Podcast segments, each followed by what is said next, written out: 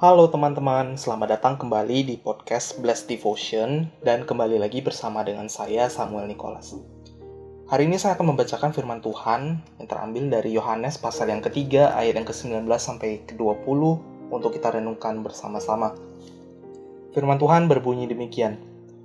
Dan inilah hukuman itu. Terang telah datang ke dalam dunia, tetapi manusia lebih menyukai kegelapan daripada terang sebab perbuatan-perbuatan mereka jahat. Sebab barang siapa berbuat jahat membenci terang dan tidak datang kepada terang itu, supaya perbuatan-perbuatannya yang jahat itu tidak nampak. Amin. Sedemikian jauh pembacaan firman Tuhan, berbahagialah setiap daripada kita yang mendengar juga melakukannya di dalam kehidupan kita. Teman-teman, hari ini kita bakal banyak membahas tentang gelap dan terang begitu ya. Berbicara mengenai gelap dan terang ini ada banyak pro kontra di dalam kehidupan kita yang praktis begitu ketika kita membicarakan tentang terang dan gelap. Misalnya uh, saya pribadi gitu ya, saya pribadi adalah orang nggak suka dengan kegelapan. Waktu saya kecil itu saya begitu takut dengan yang namanya gelap. Kegelapan itu membuat saya berimajinasi dan memikirkan hal yang tidak-tidak, hal-hal yang mengerikan. Misalnya uh, memikirkan ada monster dan lain sebagainya begitu ya. Nah, uh, mungkin juga ini bisa terjadi karena banyak menonton film-film horor begitu yang buat saya jadi takut. Nah, saya juga adalah orang yang tidak bisa tidur ketika keadaan itu gelap total, ketika tidak ada sumber cahaya sama sekali, ketika benar-benar ruangan itu benar-benar gelap, gelap secara total. Nah, maka waktu biasanya saya tidur itu biasa uh, ada uh, sumber penerangan, misalnya ada lampu tidur dan lain sebagainya gitu. Baru saya bisa tidur dengan baik. Nah, terkadang teman-teman waktu uh, dalam keadaan malam gitu ya misalnya uh, saya terbangun begitu sering kali juga waktu saya terbangun itu lagi mati lampu tuh teman-teman. Jadi waktu mati lampu uh, udah udah terbayang tuh yang enggak enggak gitu.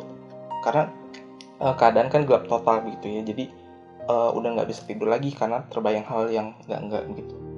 Nah keadaan yang gelap seperti ini itu uh, saya nggak suka begitu.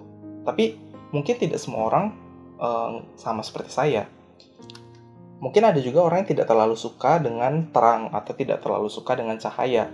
Misalnya saja mereka misalnya uh, tidak dapat tidur jika ada cahaya sedikit saja. Beberapa mungkin bahkan berargumen bahwa keadaan yang terang itu membuat uh, suhu ruangan itu meningkat begitu ya. Ada energi lebih yang membuat suhu ruangan meningkat dan membuat terasa lebih panas. Dan uh, beberapa orang juga melakukan banyak kegiatan misalnya dalam belajar, dalam bekerja, dalam bermain game dan lain sebagainya itu dalam ruangan yang redup begitu dalam ruangan yang keadaan pencahayaannya tidak terlalu terang dengan alasan mereka lebih nyaman dalam keadaan yang seperti itu mereka lebih bisa fokus di dalam keadaan yang redup di dalam keadaan yang tidak terlalu banyak pencahayaan seperti itu Nah, jadi secara praktis kita dapat melihat adanya dua kelompok gitu ya. Yang pertama yang tidak menyukai kegelapan, uh, misalnya seperti saya tidak dapat tidur dalam keadaan gelap total. Tetapi juga ada orang yang tidak suka dengan terang, uh, jadi nggak bisa tidur kalau ada sedikit saja cahaya. Tapi teman-teman, perenungan kita hari ini itu tentu bukan masalah yang praktis seperti itu. Bukan masalah gelap dan terang dalam uh, situasi seperti itu.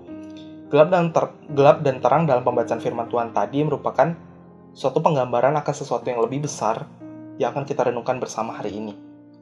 Teman-teman, di bagian firman Tuhan hari ini dikatakan bahwa terang telah datang ke dalam dunia. Jelas terang ini bukan hanya sekedar terang biasa, ini adalah sesosok pribadi. Maka kita bisa bertanya, siapa terang itu? Terang itu jelas merujuk kepada Yesus sendiri yang sedang mengatakan ini gitu. Kita bisa melihat konteksnya dalam uh, bagian ini di mana Yesus sedang berbicara dengan salah satu tokoh agama yang terkemuka bernama Nikodemus. Nikodemus bertanya tentang bagaimana seseorang dapat memperoleh hidup yang kekal kalau kita baca di atasnya gitu ya. Dan Yesus akan-akan memberitakan Injil gitu kepada Nikodemus dalam pasal ini juga mungkin ada ayat yang paling terkenal yang kita orang Kristen selalu hafalkan begitu Yohanes 3 ayat 16 yang mengatakan bahwa karena begitu besar kasih Allah akan dunia ini sehingga ia telah mengaruniakan anaknya yang tunggal supaya setiap orang yang percaya kepadanya tidak binasa melainkan beroleh hidup yang kekal. Sehingga jelas teman-teman ketika Yesus berbicara tentang terang yang sudah datang, ia sedang merujuk kepada dirinya sendiri sebagai sang terang yang memberi hidup kekal itu. Kita juga mungkin tahu bahwa dalam beberapa bagian terang sering kali dikaitkan dengan Allah. Misalnya Allah, Tuhan Yesus dikatakan sebagai terang dunia.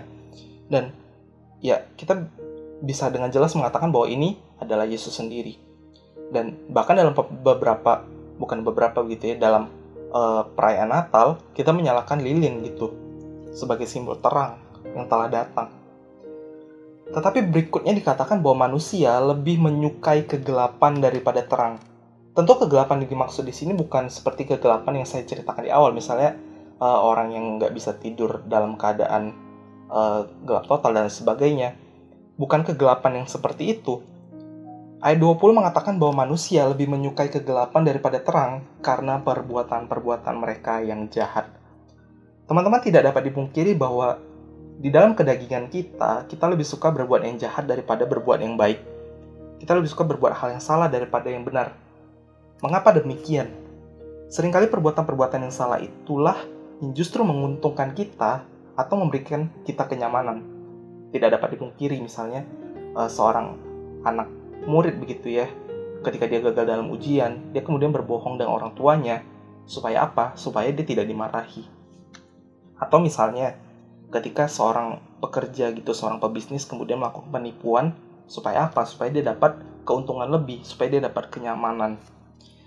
Sehingga kita bisa melihat bahwa manusia telah menjadi sosok yang egosentris, sosok yang berpusat pada dirinya sendiri. Dan bukankah ini juga yang terjadi di dalam kejatuhan manusia yang pertama? Apakah manusia pertama kekurangan makanan untuk dimakan? Enggak, teman-teman. Tuhan katakan semua pohon boleh kamu makan kecuali yang satu itu. Namun mereka tetap tergoda oleh tawaran ular. Tawaran ular yang seakan-akan menjadikan manusia sebagai pusat dari kehidupannya. Dan ini menggantikan tatanan yang telah Allah rancangkan bagi manusia, di mana manusia dapat berelasi dengan Allah dan menjadikan Allah sebagai pusat di dalam hidupnya. Kecintaan kepada Allah ini diputar, diputar begitu ya, membuat manusia lebih mencintai dirinya sendiri daripada mereka mencintai Tuhan. Sehingga ketika Yesus mengatakan bahwa manusia lebih menyukai kegelapan, itu bisa terjadi karena manusia bis, bisa atau manusia memang lebih mencintai dirinya sendiri daripada mereka mencintai Tuhan. Teman-teman, ayat 20 bahkan menunjukkan suatu ironi yang lebih mengerikan bagi manusia. Manusia yang lebih menyukai kegelapan dan perbuatan-perbuatan jahatnya dikatakan membenci terang. Mereka uh, dikatakan membenci terang Mengapa manusia bisa dikatakan membenci terang? Dikatakan bahwa karena perbuatan-perbuatan mereka yang jahat itu akan tersingkap, akan nampak kalau mereka berada dalam terang. Ini jelas analogi yang cukup mudah untuk kita pahami. Ketika suatu tempat misalnya begitu gelap tanpa ada sumber cahaya, namun tiba-tiba ada cahaya kecil saja, ada lilin kecil saja yang masuk ke dalam ruangan itu, maka sekeliling ruangan itu bisa terlihat. Dan semuanya akan terlihat jelas apa pun yang kita lakukan, hal apa pun yang kita kerjakan, semuanya bakal terlihat jelas. Dan kita, sebagai manusia berdosa, kita tentu tidak mau bahwa perbuatan-perbuatan kita jahat itu diketahui. Tapi teman-teman sebenarnya ini men, mem, memberitahukan kita satu hal sebenarnya. Sebenarnya kita sadar bahwa kita tidak seharusnya melakukan ini. Kita sadar bahwa sebenarnya uh, kita tidak seharusnya melakukan hal-hal yang jahat. Itu kenapa kita tidak mau hal-hal yang kita lakukan itu tersingkap diketahui oleh orang lain ketika kita berada di dalam terang. Teman-teman, satu waktu ada seorang pemuda yang tidak percaya kepada Tuhan, dia datang kepada seorang pendeta untuk meminta bukti-bukti klaim dari kekristenan. Ia kemudian terlibat dalam diskusi yang cukup panjang dengan pendeta tersebut dalam waktu yang cukup, lama. Pemuda ini terus-menerus melontarkan pertanyaan-pertanyaan kepada sang pendeta. Tentunya uh, pendeta tersebut juga menjawab dengan uh, baik begitu ya setiap pertanyaan. Dia juga dengan sabar menjawab setiap pertanyaan yang diajukan oleh pemuda itu. Di akhir diskusi mereka, sang pemuda kemudian mengatakan bahwa iman Kristen itu adalah iman yang bisa dipercaya. Lalu kemudian sang pendeta merasa bahwa ini adalah saat yang tepat untuk menawarkan berita keselamatan kepada pemuda itu.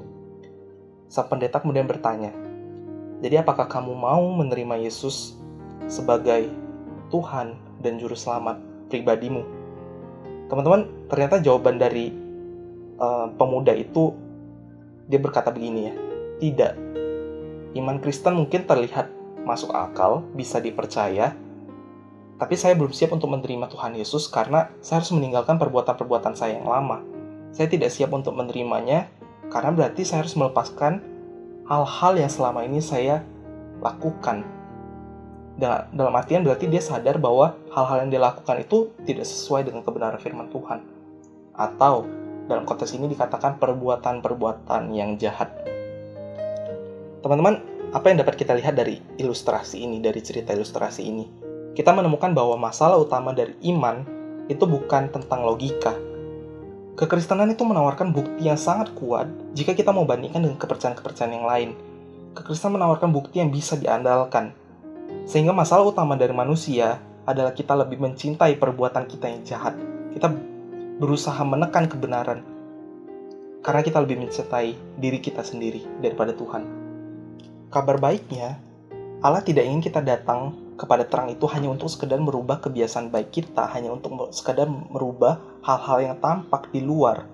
Tapi ia ingin kita merubah sampai kepada akarnya. Akarnya itu apa sih? Akarnya itu kita mencintai diri kita lebih daripada kita mencintai Tuhan. Dan ia Allah ingin membalikkan tatanan awal yang ia ciptakan yang begitu indah, di mana kita bisa menempatkan Tuhan sebagai pusat hidup kita kita bisa berelasi dengan Tuhan dengan begitu indah. Teman-teman, ketika kita merenungkan hal ini, ada satu ironis yang harusnya kita pertimbangkan, yang harusnya kita pikirkan begitu ya. Waktu kita ingin mencintai diri kita sendiri lebih daripada kita mencintai Tuhan, Tuhan justru mencintai kita. Seakan-akan dia menunjukkan kasihnya kepada kita lebih besar daripada dia mengasihi dirinya sendiri. Ketika ia mengirimkan anaknya yang tunggal untuk mati di atas kayu salib demi menembus dosa kita dia seakan-akan mau mengatakan bahwa aku memberikan kasih yang lebih besar kepada kamu, lebih daripada aku mengasihi diriku sendiri. Teman-teman, ini kembali menunjukkan bahwa kasih itu apa sih? Kasih itu adalah sesuatu yang mau berkorban, sesuatu yang rela berkorban. Bukan hanya sekedar perkataan semata. Maka mari kita renungkan hal ini untuk diri kita. Apakah kita masih begitu mencintai kegelapan Apakah kita masih mencintai perbuatan-perbuatan kita yang jahat, yang menawarkan kesenangan dan kepuasan yang semu? Apakah kita masih mengasihi diri kita lebih daripada kita mengasihi Tuhan?